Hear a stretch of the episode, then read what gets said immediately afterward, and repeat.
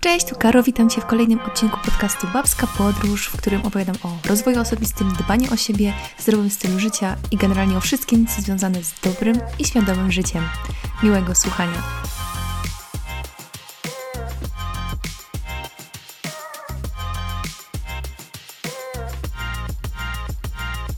Hello, hello, witam Was w kolejnych pogaduchach miesiąca i są to już przedostatnie pogaduchy w tym roku i dzisiejszy odcinek nie będzie wypakowany jakimiś super inspiracjami. Mm, będzie to bardziej kwestia rozkminowa, pogaduchowa. Mam parę takich tematów, które chciałam Wam przekazać, chciałam trochę um, podzielić się swoimi jakimiś odczuciami, rozmyśleniami, więc dzisiaj będzie tak pół na pół. Będzie trochę o podróżach, bo będzie o miejscu, w którym jestem i o programie, z którego korzystam. Jest to fajna opcja dla osób, które chcą podróżować, ale niekoniecznie mają y, możliwości finansowe na to wszystko. Powiem Wam trochę o mojej rozkminie podcastowej i tym, jak to właśnie u mnie wszystko wygląda. Będzie to takie trochę, ładnie sobie napisałam, zmuszanie się kontra regularność i don't give up. Cokolwiek to znaczy, to są takie właśnie moje hasła, klucze, które sobie wpisałam w notatkę i zaraz będę chciała się z Wami tym podzielić. E, będzie też trochę o terapii, którą zaczęłam, ale nie o samej terapii, a o tym, w jakiej formie ją przeprowadzam. I na koniec żeby nie było, że tak tylko sobie tutaj się rozwodzę nad jakimiś tematami.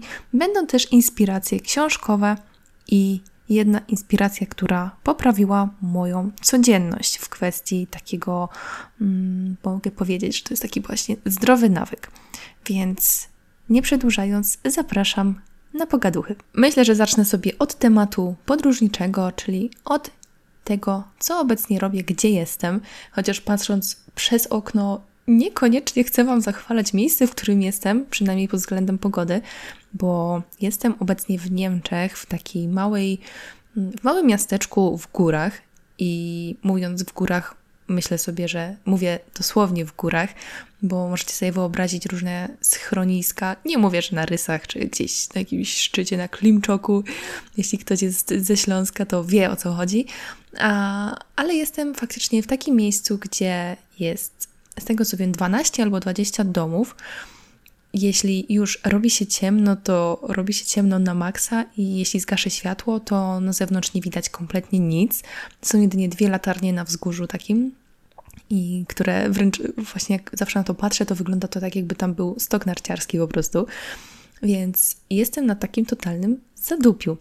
Jeśli chciałabym iść do sklepu, to muszę zejść w dół 4 km i tam w dole właśnie jest jakby centrum tego miasteczka. Jest tam jeden sklep, się nazywa Schmidt Market. To są takie popularne tutaj supermarkety. No ale fajnie iść w dół, ale potem trzeba te 4 km w górę wejść i to nie jest taka, jest to droga asfaltowa, ale idzie się to jakby, wiecie, mm, to jakbyście wjeżdżali gdzieś w góry przez po prostu las. Po dwóch stronach jest las, więc po ciemku już tak trochę no, nieciekawie jest. Żadnych oczywiście latarni nie ma. Ale nie o tym. Samo miejsce, gdyby nie ta pogoda, bo oczywiście jestem tutaj już od dwóch tygodni i cały czas dosłownie pada.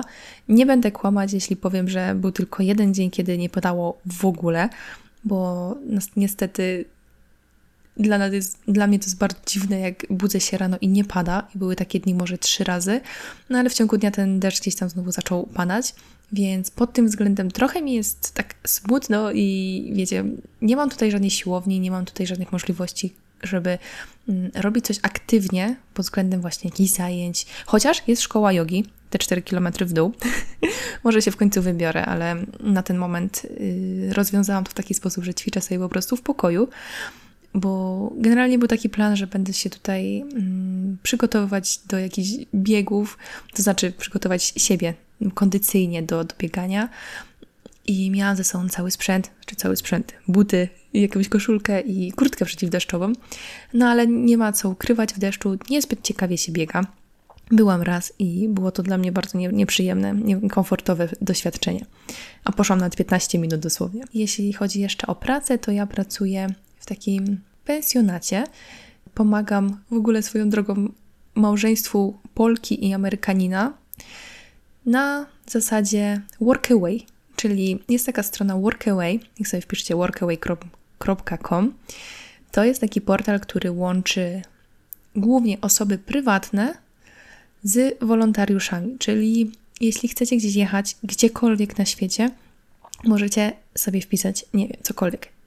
Tajlandia albo, nie wiem, Zanzibar, chociaż w Zanzibarze pewnie będzie mniej. Mm, a Kanada, jakieś, nie wiem, właśnie Szwajcaria, jakaś Hiszpania, wszystko, co sobie wymyślisz, nawet Hawaje są.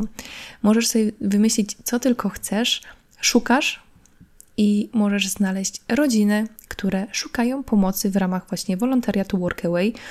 Są to m.in. takie prace jak opieka nad dzieckiem, pomoc w jakimś biznesie, pomoc przy domu. My tak z moim Dawidem byliśmy rok temu w Hiszpanii, gdzie pomagaliśmy jakiemuś Brytyjczykowi w Hiszpanii mm, dbać o, o ogród, o, malowaliśmy jakieś ściany w pokojach, mm, więc tak naprawdę możecie znaleźć co tylko chcecie. Są też czasami oferty płatne, ale to już wtedy jest zaznaczone taką, taką no jest to po prostu zaznaczone i tych ofert nie ma jakoś super dużo. Więc jest to super opcja dla osób, które chcą podróżować, ale niekoniecznie mają e, właśnie duże fundusze, bo okej, okay, nie ma za to pieniędzy, ale za to dostajemy zakwaterowanie i jedzenie. W większości tych ofert właśnie są te dwie, dwie składowe. Czasami jest tak, że jedzenie jest mm, przygotowywane przez tą rodzinę, a czasami jest tak, że po prostu dostajecie kasę i kupujecie to we własnym zakresie. Więc opcji jest dużo. Natomiast te zakwaterowanie jedzenie to jest coś, co się powinno zawsze pokazać. Rzadko są oferty, gdzie jest na przykład tylko zakwaterowanie. I żeby być na takiej stronie, żeby móc skorzystać z takiego workawaya, wystarczy mieć tam konto, a trzeba tam zapłacić za roczną taką, roczny dostęp, ale nie są to duże kwoty, bo jest to 49 euro na rok za osobę, lub jeśli podróżujesz we dwójkę, to jest to 59 euro za osobę, yy, za rok. Więc wydaje mi się, że te 200 zł, powiedzmy 250 za coś takiego, mm, nie wiem, za możliwość na przykład mieszkania przez miesiąc na Hawajach, wydaje mi się, że to jest spoko opcja, nawet jeśli właśnie wykorzystasz to tylko raz. Podejrzewam, że teraz może na Black Friday będzie coś, mm, jakaś promocja, ale to są te właśnie ceny standardowe. 49 za osobę albo 59 za dwie. Więc jest to spoko opcja. Ja już korzystam z tego drugi raz i drugi raz jestem naprawdę zadowolona z warunków, z, z tych ludzi, z którymi mieszkam. Z pogody niekoniecznie, bo w tamtym roku tak samo pojechaliśmy do Hisz polecieliśmy do Hiszpanii głównie ze względu na język i na pogodę. I ani pogoda nam nie wypaliła, a byliśmy w marcu. Byliśmy w marcu i cały miesiąc dosłownie padało. No z językiem też było różnie, bo też się okazało, że byliśmy na zadupiu, a nasz host był Brytyjczykiem. No ale może do trzech razy sztuka. Drugi temat to terapia i chciałam tutaj dzisiaj omówić temat terapii online, bo ja bardzo długo wzbraniałam się przed terapią online, bo jakby nie widziałam sensu w tym, jak można się łączyć przez kamerkę z kimś i rozmawiać o jakichś dla ciebie trudnych tematach. Ja moją pierwszą terapię robiłam stacjonarnie i bardzo lubiłam te spotkania, właśnie dlatego, że tam idę, że mam to swoje miejsce, mam ten swój fotel z moją żółtą podusią i mogę tam siedzieć, czuję się tam komfortowo. I to jest taka właśnie przestrzeń, w której nikt mnie nie słyszy, jest, tylko, jest tym tylko ja i moja terapeutka, więc było to dla mnie trochę to przejście teraz na tą terapię online ciężką decyzją, bo z jednej strony wiedziałam, że potrzebuję iść na terapię, chciałam iść na terapię, a z drugiej strony wiedziałam, że mój tryb życia, który obecnie prowadzę, czyli taki nomadowy, gdzie co chwilę się gdzieś mm, zmienia miejsce zamieszkania, nie umożliwia mi tego, żeby chodzić na tą terapię stacjonarnie, a nawet jeśli bym zaczęła, no to wtedy musiałabym zmieniać swoje plany, więc jakby zdecydowałam, że na ten moment muszę się zadowolić tylko tą terapią online. I jestem obecnie po dwóch spotkaniach. Znalazłam sobie terapeutkę przez stronę Wellbe. To jest taki portal, który zrzesza właśnie różnych terapeutów. O niej mówiłam też w jakimś poprzednim odcinku, dam, sobie, dam Wam tutaj linka do, do podcastu. I nie powiem, ta terapia online nie jest taka fajna jak stacjonarna, znaczy taka fajna. Y, nie czuję się w niej tak komfortowo jak na stacjonarnej, bo jednak nie wiem, w jakim miejscu będę, gdy będę miała tą terapię, więc czasami jakby teraz przez dwa miesiące jestem tutaj w Niemczech i jakby mogę sobie, mam to swoje miejsce, gdzie siadam na tym fotelu, rozmawiam z tą terapeutką, ale mam świadomość na przykład, że pokój obok jest mój narzeczony, który teoretycznie jeszcze śpi, ale jest to dla mnie trochę już takie właśnie. Hmm, nie jest to tylko moje miejsce, że dzielę to miejsce z kimś, że e, okej, okay, Dawid, jakby jesteśmy tak dogadani, że on sobie ubiera słuchawki, jeśli się obudzi, akceptuję to, że ja mam te, jakby rozumie to, że ja mam te spotkania, nie podsłuchuję, nie wchodzi mi tu do pokoju, więc to jest jakby dogadane między nami. Natomiast zawsze jest to jednak taki dyskomfort, że mm, nie wiem, ktoś mi może zapukać do drzwi. Czasami właśnie tutaj ta nasza y, Ola, u której mieszkamy, przynosi nam zakupy. Więc czasami są takie sytuacje, że no nie jest to miejsce takie w 100%, które mi się kojarzy tylko z terapią, tak jak było do tej pory na stacjonarnej terapii. Natomiast patrząc na to, jak różnie możemy żyć w dzisiejszych czasach i w jakich różnych miejscach możemy być, to uważam, że online terapia jest na pewno lepsza niż nic.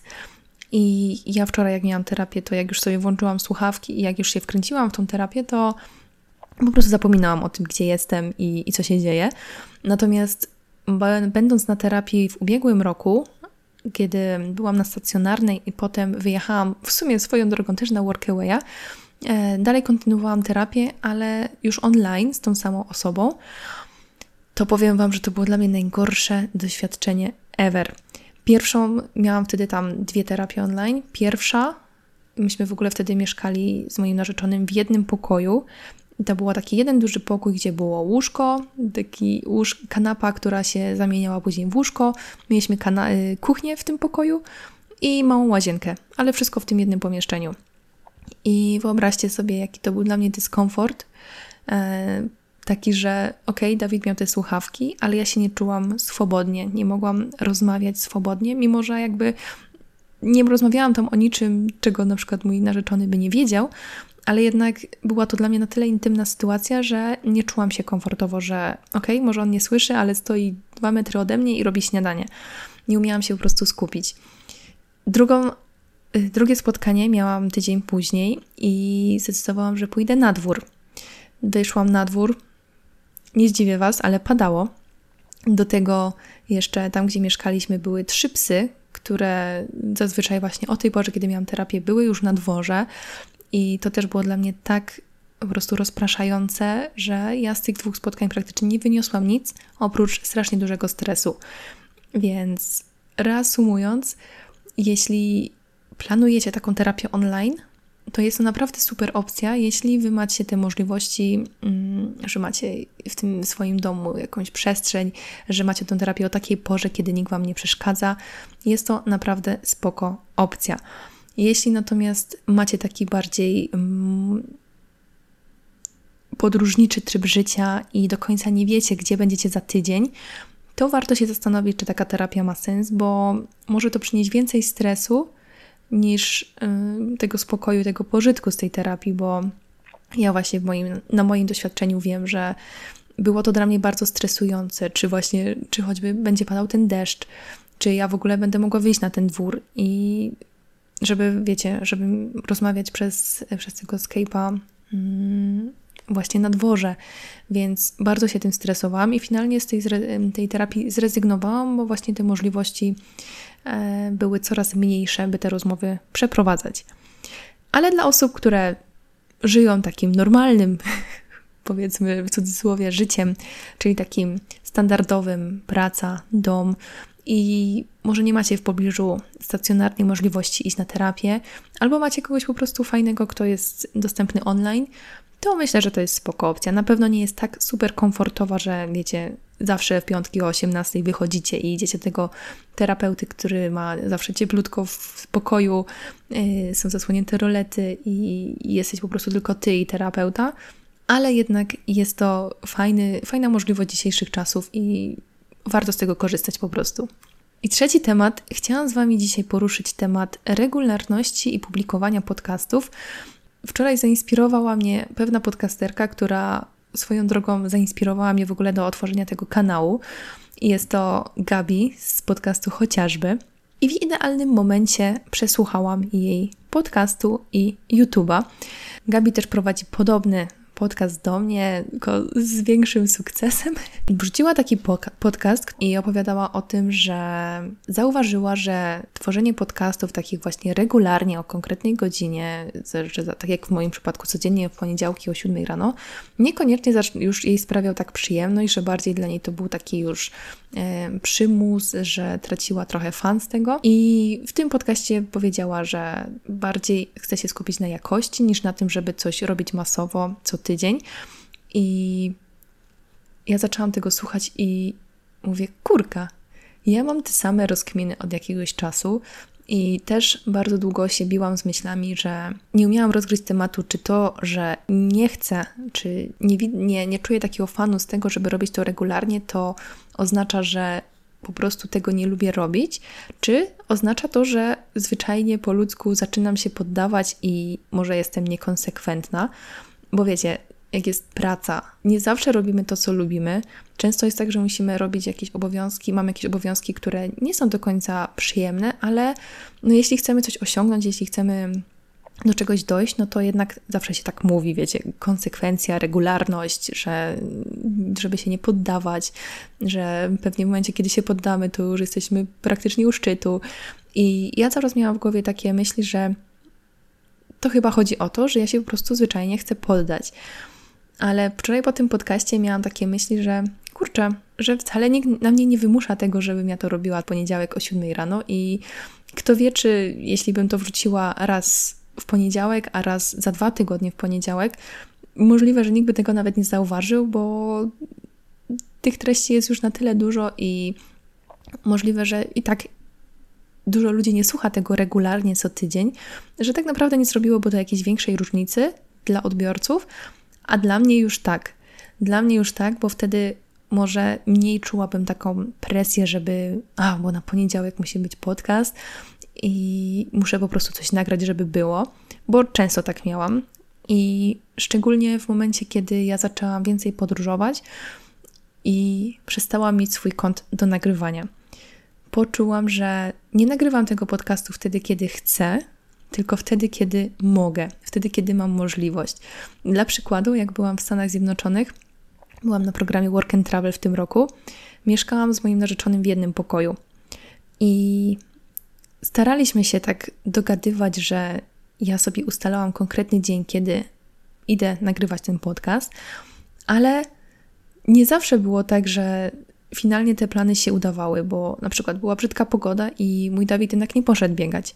Albo skończyliśmy o takiej porze pracę, że ja musiałam to przesunąć. A jak już to przesunęłam, to okazało się, że był wieczór, a w pokoju obok nas yy, znajomy słuchał głośno muzyki. I znowu musiałam te plany zmieniać. I często było tak, że właśnie tak jak z tą terapią online, bardzo przykład, bardzo dobry, bardzo podobny przykład, że nie robiłam tego wtedy, kiedy miałam flow, wtedy, kiedy czułam ten temat, tylko robiłam to wtedy, kiedy dawało mi możliwości po prostu mm, otoczenie. I dotarło do mnie, że faktycznie często miałam sytuację, że nagrałam jakiś podcast i wiedziałam, że ten podcast nie jest dobrej jakości, że ja nie byłam w tym taka swobodna, Albo czasami nagrywałam podcast telefonem. Takim przykładem był na przykład podcast z ubiegłego tygodnia, gdzie nagrywałam go telefonem, bo nie umiałam znaleźć wtyczki do przełączki do mikrof mikrofonu do, do laptopa. Dawid spał, nie chciałam go budzić.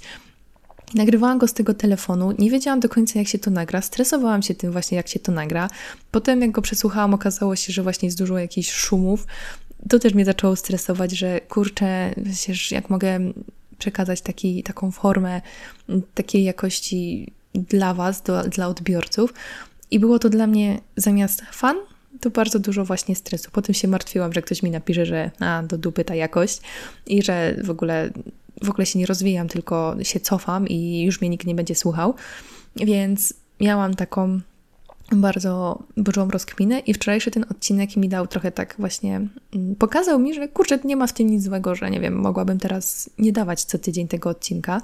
I moment, w którym przesłuchałam wczoraj ten podcast, to był moment, kiedy ja dosłownie 5 minut wcześniej skończyłam planować tematy odcinków na najbliższe, słuchajcie, 3 miesiące. Dlaczego 3 miesiące? Dlatego, że w styczniu, jak wracam z Niemiec, wyjeżdżam na taką większą podróż na, na dwa miesiące właśnie, gdzie totalnie wiem już to, że nie będę miała możliwości nagrywać. I to też spędzało mi trochę sens powiek, bo cały czas się zastanawiałam, ok, teraz cisnąć z tymi odcinkami na te dwa miesiące do przodu, czy po prostu zrobić przerwę. Jak sobie wyobraziłam, że muszę nagrywać dwa miesiące do przodu, czyli dodatkowych osiem odcinków, teraz w najbliż, przez najbliższe półtora miesiąca, no to trochę mnie to tak zmiotło z planszy i wystraszyłam się tego, że po prostu nie dam rady czasowo, że w tym momencie nagrywam jeden odcinek tygodniowo, a tak miałabym nagrywać na przykład trzy odcinki tygodniowo z montażem, z, z opublikowaniem tego. Więc dla mnie to był troszeczkę taki stres i do końca nie, nie czułam, że chcę tak w ten sposób to robić. No ale stwierdziłam, ok, może zacznę od tego, żeby zaplanować sobie wszystkie tematy odcinków i może pomału zacznę już nagrywać na zapas te odcinki. No i wtedy przyszedł właśnie ten podcast od Gabi, który dał mi do myślenia i pozwolił mi myśleć też tą drugą stronę, że dałam sobie tą furtkę, że wcale nie muszę te dwa miesiące teraz nagrywać i może po prostu zrobię przerwę. I jeszcze nie wiem, jaka będzie decyzja, bo z jednej strony mój taki w cudzysłowie mądry głos, taki rozsądny głos w głowie mówi, że nie, no spróbuj po prostu nagrać, nagrać ile się da i po prostu wtedy zobaczę, jak już, jak już y, ten czas minie, ile mi się udało nagrać, żebym po prostu się nie poddawała teraz już, od razu. A z drugiej strony mam tą myśl taką, że kurczę, w sumie może by mi się przydała taka przerwa od podcastu, że wróciłabym z większą energią, z większym takim właśnie spokojem do nagrywania, z większym flow. Więc chciałam się tym z Wami podzielić. Może Wy macie jakieś odczucia względem mojego podcastu, może chcecie się czymś podzielić, jak Wy właśnie widzicie takie mm, przerwy, czy Wy słuchacie tych odcinków co tydzień, czy dla Was to jest bez znaczenia, czy ten odcinek przyjdzie raz na tydzień, czy raz na dwa tygodnie. Jestem ciekawa, jeśli chcecie się podzielić, będzie super. Zostawiam okienko albo w komentarzach na YouTubie, bądź tutaj na Spotify. Więc ja jeszcze tej decyzji nie podjęłam, ale daję sobie tą możliwość podjęcia tej decyzji, bo do tej pory miałam tak, że nie dawałam sobie tej możliwości. Mówiłam sobie, że okej, okay, te dwa miesiące to będzie wyzwanie, ale muszę tym, z tym cisnąć. Więc no, chciałam się tym z Wami podzielić, ale jeszcze nie wiem. Zobaczymy, jak, jak się ten mój los podcastu potoczy. Na pewno zauważycie, jaką decyzję podjęłam. Okej, okay. i z tych tematów takich większych to by było tyle. Teraz na koniec już na luźno chciałam Wam polecić parę, parę rzeczy, parę rzeczy. Książki i okulary. Jakieś miesiąc temu kupiłam sobie okulary blokujące niebieskie światło firmy iShield. Ja o tej firmie już słyszałam dużo, daw dużo dawno. Dawno, Mm, jest to dość nowa firma, nie wiem czy ona nie powstała w tym roku, ale prowadzi to ją facet, który bardzo się właśnie zaczął pokazywać w różnych podcastach, zaczął pokazywać się w roli eksperta od takiego zdrowego stylu życia, od tego jak funkcjonować, jak spać, żeby, żeby te życie nasze było dobre, jakościowe. I tak mnie ten facet zaczął przekonywać tym, tymi okularami i tym, że jest to coś, co faktycznie poprawi nam jakość snu, że postanowiłam te okulary testowo kupić. Mam je już miesiąc, ale od początku. okulary blokujące niebieskie światło to takie okulary, które blokują nam światło te negatywne, czyli z telefonów, telewizora, laptopa. Można używać dwóch rodzajów okularów, albo dziennych, albo nocnych. Dzienne to są takie, które używamy w pracy, na przykład gdy pracujemy przed komputerem i one w pewnym stopniu blokują nam dostęp tego światła negatywnego do naszych oczu.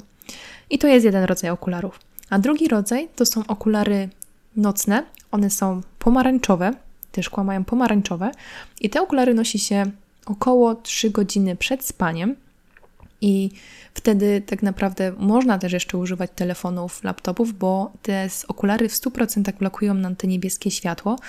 A to oznacza, melatonina, która się wydziela przed snem, była wydzielana w, odpowiednich, w odpowiednim stopniu, bo jeśli ktoś się interesuje, albo nie, w sumie to jest takie chyba dość oczywiste, że niestety światło niebieskie, czyli laptopy, telefony, telewizory, nie są dobrym nawykiem nocnym, wieczornym. Czyli powinniśmy odkładać te telefony, nie oglądać telewizora przed spaniem, bo te światło sprawia, że ciężej nam jest zasnąć. Jest to spowodowane tym, że właśnie to światło zaburza nam wydzielanie melatoniny, która odpowiada nam za, y, za zasypianie. Więc takie okulary, powiedzmy, że są takim środkiem na to, żeby jednak ta melatonina nam się w dobrej proporcjach wydzielała, nawet jeśli używamy tych telefonów przed spaniem. I ja testowo kupiłam sobie takie jedne okulary, znaczy jedne testowo.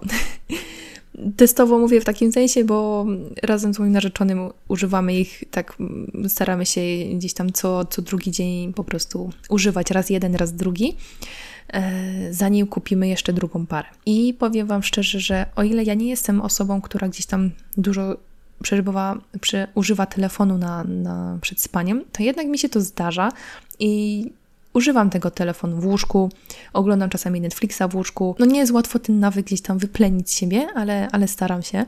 Natomiast te okulary teraz właśnie stworzyłam sobie taki nawyk, że nie zawsze je od, od, no, ubieram wtedy, kiedy powinnam, te trzy godziny przed, albo czasami jest tak, że ściągnę te okulary i jeszcze coś sprawdzę na telefonie, co nie jest dobre.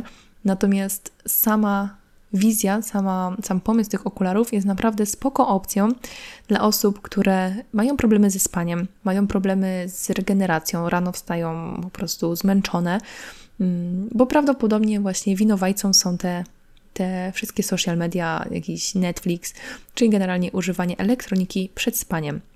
Ja kupiłam sobie te okulary Eye Shield, też będziecie mieć link w opisie. Jestem naprawdę zadowolona Czekam teraz właśnie na promkę na Black Friday, żebyśmy sobie kupili drugą parę, żeby już się nie, nie dzielić tymi jednymi okularami. I naprawdę jest to fajna opcja dla osób, które właśnie chcą poprawić sobie po prostu tą jakość życia, jakość snu, jakość yy, regeneracji, więc bardzo, bardzo polecam. Ja jestem po miesiącu testowania, dobra, powiedzmy po trzech tygodniach, bo dzielę się z, z Dawidem, ale ja widzę naprawdę duży, dużą zmianę właśnie w tym, że wstaję po prostu rano wypoczęta i mi się chce po prostu działać. I na koniec chciałam jeszcze Wam polecić kilka książek, które przeczytałam w tym miesiącu. Dzięki temu, że jestem tu, gdzie jestem, pracuję 5 godzin, w tygo- 5 godzin na dzień, to mam więcej czasu, żeby czytać. I dwie książki, które przeczytałam dosłownie ciurkiem, to były książki Colin Hoover. It Ends With Us i It Starts With Us. Są to możliwe, że słyszeliście o tych tytułach książki, które bardzo fajnie się wybiły dzięki TikTokowi. Mówi się, że to były takie TikTokowe właśnie, mm, są takie TikTokowe tytuły. Zaczęły się właśnie pojawiać w jakichś TikTokach, Reelsach i dzięki temu ta autorka tej książki po prostu zaczęły się być, zaczęły być popularne. Są to typowe romansidła, chociaż nietypowe. Jest temat miłości, ale jednocześnie za cieniem przemocy domowej. Pierwsza część opowiada o tym, jak jedna dziewczyna zakochuje się w facecie, biorą ślub, wszystko, wiecie, taka idealna historia. Niestety okazuje się, że za tą historią miłości kryją się różne demony z przeszłości tego mężczyzny i w ich życie wkrada się przemoc domowa. I jest to właśnie o tyle ciekawa książka, że nie jest taką banalną romansidłową powieścią, tylko nie do końca właśnie się wie, jak ta książka się skończy. Przez to właśnie, że jest to też ciemna strona. Więc to jest pierwsza książka, a druga, autorka napisała drugą dlatego, że właśnie czytelnicy bardzo chcieli wiedzieć, jak ta historia się skończy, bo skończyła się w takim dość dziwnym momencie i przez to, jakim jakim sukcesem była ta pierwsza część, autorka napisała drugą część, która już jest bardziej przyjemna, jest z happy endem, więc to dla mnie bardzo fajna. Aczkolwiek widać właśnie, że ta pierwsza część była taka mocna, była taka yy, faktycznie pisana z serducha, a ta druga już była taka bardziej, nie chcę powiedzieć, że naciągana, ale już widać było, że to nie jest to samo co pierwsza, chociaż też fajna, też fajna, też, też mi się podobała. Trzecia książka To książka o pięknym tytule Kurwa, kurwa, kurwa. I jest to książka, jest to książka autorki norweskiej Lin Stromborg, o ile dobrze to przeczytałam. I jest to typ książki, to jest literatura piękna i jest to książka, która opowiada o oczekiwaniach, na jakie kobieta może sobie pozwolić wobec życia i ograniczeniach, które nasza kultura kobietom cały czas stawia. Jest to opowieść o wściekłości na życie, wściekłości na wszystko, co wokół. Jest to książka, w której bohaterka w pewnym momencie swojego życia jest tak sfrustrowana wszystkim, co się dzieje, że wybucha. Poznajemy tą fikcyjną bohaterkę w momencie, kiedy nawrzeszczała na całą swoją rodzinę podczas wakacji, bo była tak przebodźcowana, tak była już sfrustrowana wszystkim, co się wokół niej dzieje, tymi wszystkimi oczekiwaniami, które na, nią, na niej spoczywały jako kobiety, żony, matki, współpracownicy, że po prostu ten jej gniew ta cała frustracja po prostu z niej wyleciała i jest to książka, w której mogą się kobiety bardzo dobrze utożsamić z nią. Myślę, że w pewnym momencie życia każda może mieć dość nadmiernych obowiązków, przygniatają życie, rodzinę, otoczenie, stereotypy, z którymi przyszło jej żyć i jedynym właśnie ujściem dla niej była ta złość. Czasami może to jest trochę przekoloryzowane, natomiast myślę, że każda z nas może znaleźć chociaż odrobinę siebie w tej, w tej postaci. Ja tak samo miałam, więc jest to książka, która może dać do myślenia, może, dać, może nam dać, dać też takie zrozumienie, że, że nie tylko ty zmagasz się właśnie z tym, że jesteś sfrustrowana, że coś, coś w twoim życiu się nie podoba, że jesteś właśnie stłumiona różnymi stereotypami, bycie odpowiednią matką, żoną, córką i tak. Więc jest to książka, którą się bardzo szybko czyta, ale jednocześnie jest bardzo mocna, więc jest, jest mega fajna. Ja ją przeczytałam chyba w dwa dni. I wszystkie te książki, z tego co pamiętam, można znaleźć też na Legimi. Jeśli któraś z Was słucha, zapraszam tam. No i co? I tym pięknym słowem kurwa będę kończyć dzisiejszy odcinek. Mam nadzieję, że fajnie Wam się go słuchało i słyszymy się już w poniedziałek o 7 rano. Pa, pa.